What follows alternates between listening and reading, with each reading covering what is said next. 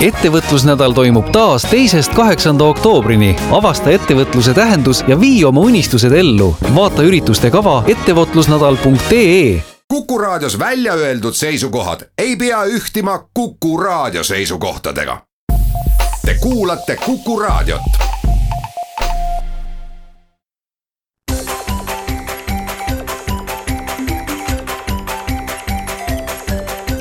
maksumaksja koostöös Eesti Maksumaksjate Liiduga. tere päevast, eetris on saade Maksumaksja, mikrofonis on Lasse Lehis.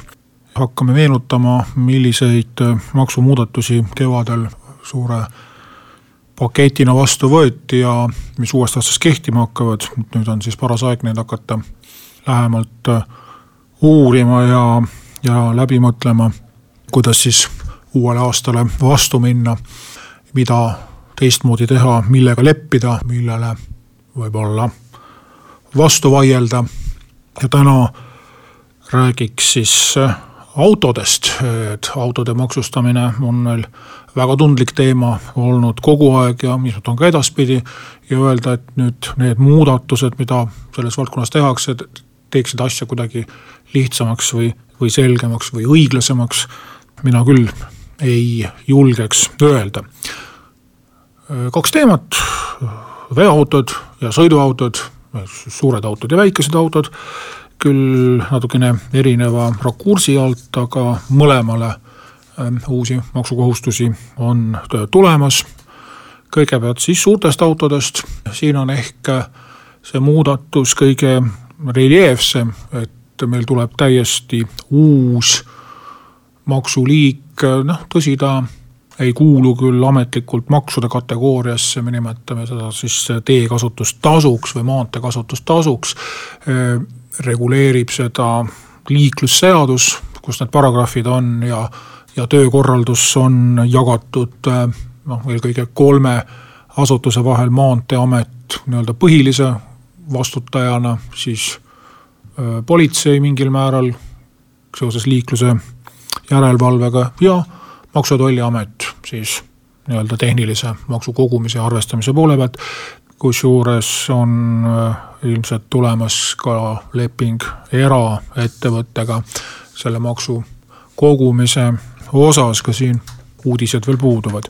millest siis jutt käib? Äh, alates kolme, kolmest ja poolest tonnist registrimassist äh, kõik veoautod hakkavad siis maksu maksma uuest aastast äh, kõikide Eesti teede eest, et siin ei tehta vahet, nagu mõnes riigis on äh, kiirteemaksud või on eraldi ainult mingid sillad või tunnelid või, või mingid piirkonnad või, või kohad, vaid kõik teed, mis Eestis on, nii linnades kui maal, nii peateed kui kõrvalteed, noh, mis kohalike jaoks võib-olla ei olegi teab mis suur probleem neid teid eristada, sellepärast et siin Eestis kohapeal registreeritud autod ähm, ilmselt kasutavad võimaluse maksta aasta määras äh,. mis on siis kõige väiksema auto puhul viissada eurot ja kõige suurema puhul tuhat kolmsada eurot aastas.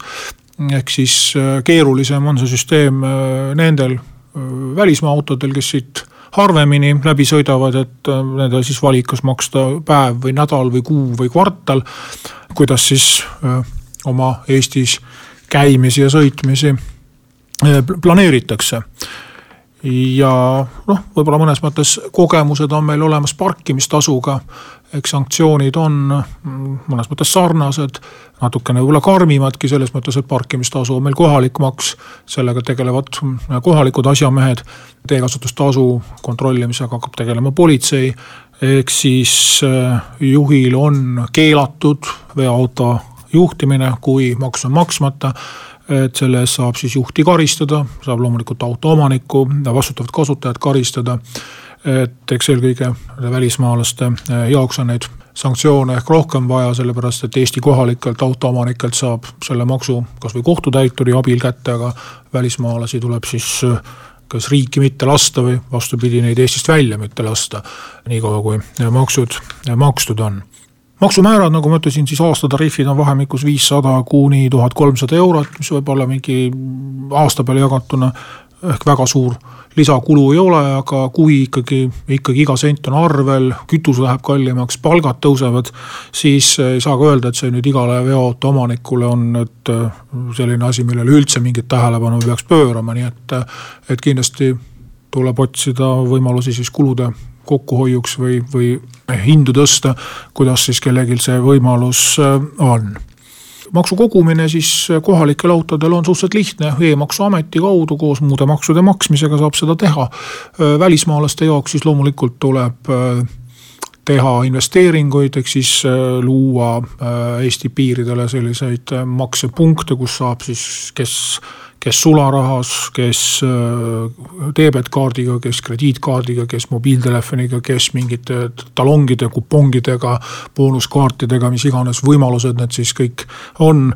mis tähendab, et esimestel aastatel võib see projekt üpris kulukaks minna, et kogu see struktuur püsti panna, ilmselt ka leida see õnnelik erafirma, kes selle pealt teenida saab juba aastaid tegelikult on ju sellest maanteede kasutamise tasust räägitud, et Eesti ja Soome on ainsad Euroopa Liidu liikmesriigid, kes seda ei rakenda ja siiamaani on vastuväide ju olnudki põhiliselt see, et kogumise kulud lähevad ebamõistlikult suureks.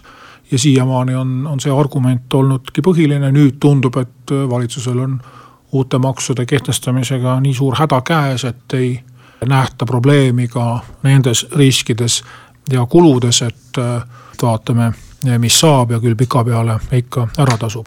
aga üks huvitav nüanss nende veoautode maksustamisega on see, et tavaliselt kipub siin mõte liikuma selles suunas, et välismaalased käivad ja lõhuvad siin meie teid ja olekski aeg neil maksma hakata, mis on iseenesest õige.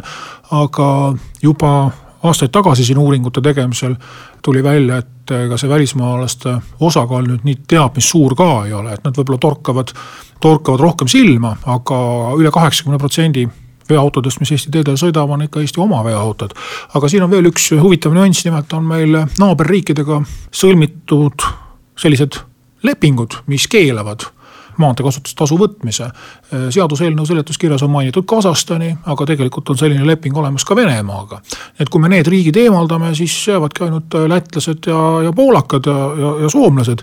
et kui palju me nende pealt ikka nii väga Äh, kogume. omaette teema on see, et miks see Venemaa leping ära on unustatud. Et kas siin on põhjus selles, et tegemist on valitsuse poolt alla kirjutatud lepinguga, mida ei ole riigikogu ratifitseerinud. samas rahvusvaheline õigus ütleb, et kui leping kehtib, tuleb seda täita. ja, ja sellisel juhul on valitsus hakkama saanud nagu topeltsigadusega, et ta on äh, sõlminud lepingu, kus ta on võtnud seadusandja äh, rolli endale, lubanud Venemaa poolele, et Venemaa autovedajatelt teekasutustasu ei võeta ja samal ajal laseb vastu võtta seaduse, kus sellist maksuvabastust kirjas ei ole, ehk tekitanud ise siis Eestis siseriikliku õigusliku vastuolu. et sellist tüli nüüd kindlasti vaja ei oleks ja loodetavasti see uue aasta alguseks ikkagi ära klaaritakse, et kas siis Venemaaga leping kehtib või ei kehti. praegu jäi mulje, et justkui on selle lepingu olemasolu ära unustatud mis saab väikeste autodega, sellest kohe pärast väikest pausi.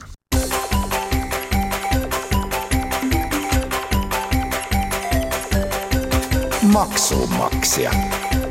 Koostöös Eesti Maksumaksjate Liiduga. Saade Maksumaksja jätkab äh, autode maksustamisest.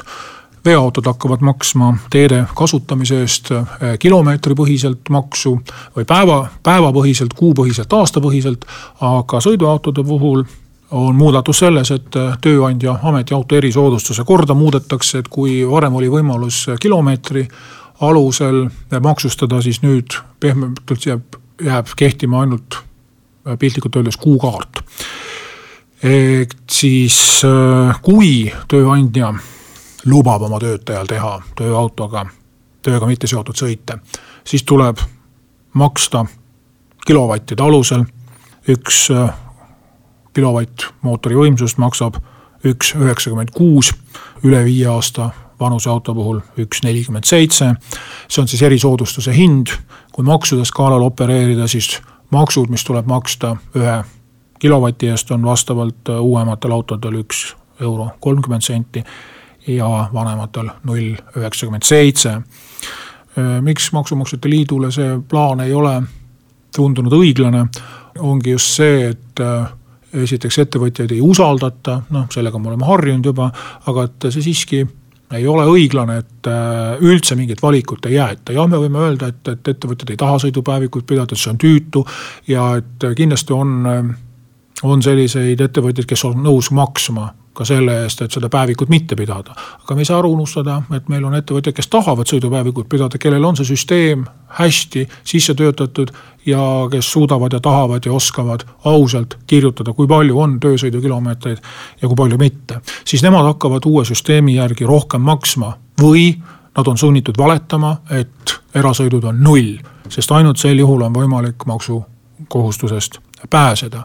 ja millegipärast ametnikud ei taha uskuda, et, et tööautodega tõepoolest tehakse ka töösõite ja on palju selliseid autosid ja on palju selliseid inimesi. ja selliseid töökohti, kus on väga pikad töösõidud, üle Eesti tuleb käia võib-olla isegi iga päev ühelt objektilt teisele, kas klientide juures, kas ehitusmaterjale vedamas või muid asju ajamas ja linna sees väiksed otsad, poed, koolid, lasteaiad, arstid, kinod, teatrid on nende pikkade ametisõitudega võrreldes üsna väikesed ja just selliste ettevõtjate huve on siin rikutud ja nendel on kindlasti põhjust oma pahameelt väljendada.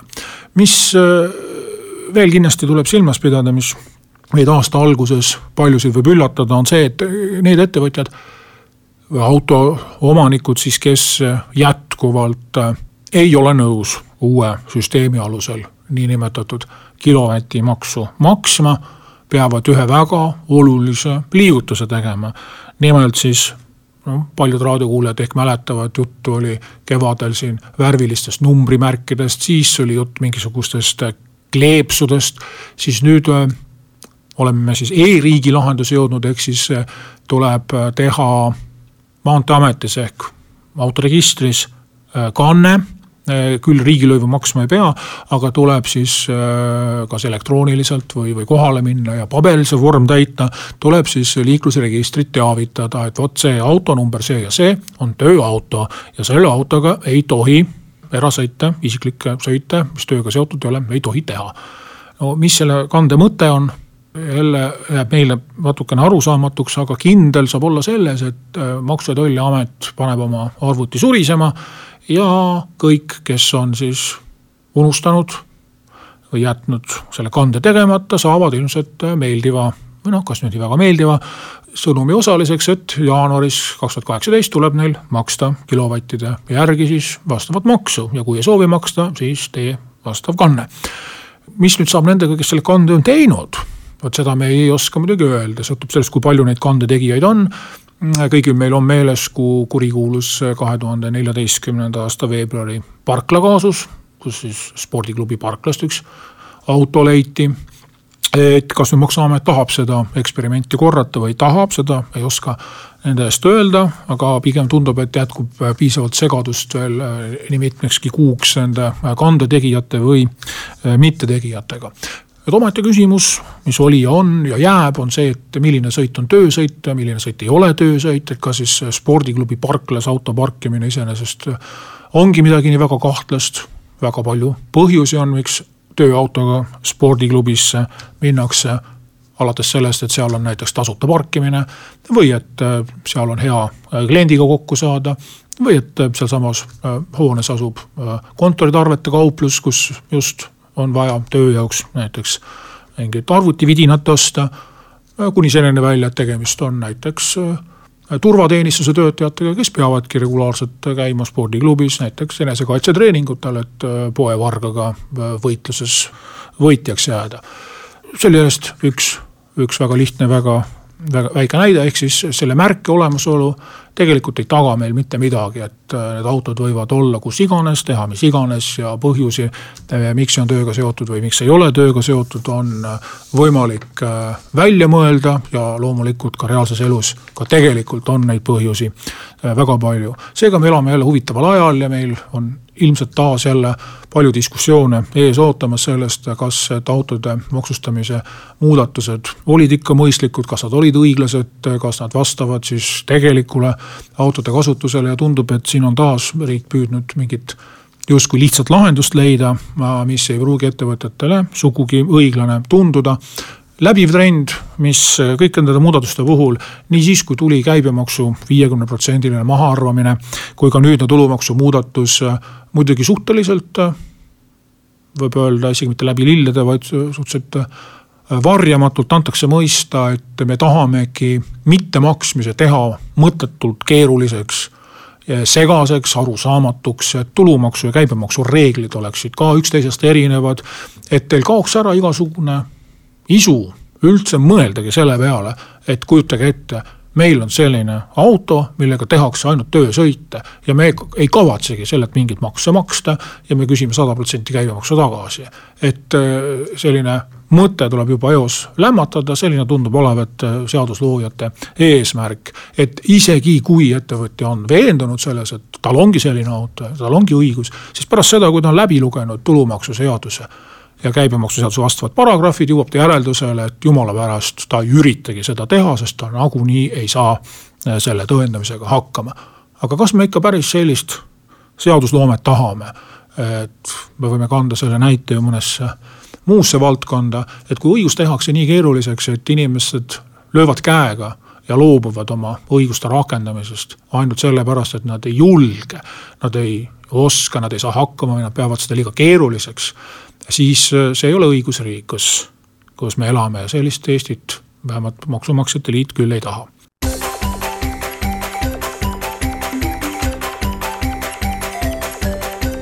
maksumaksja koostöös Eesti Maksumaksjate Liiduga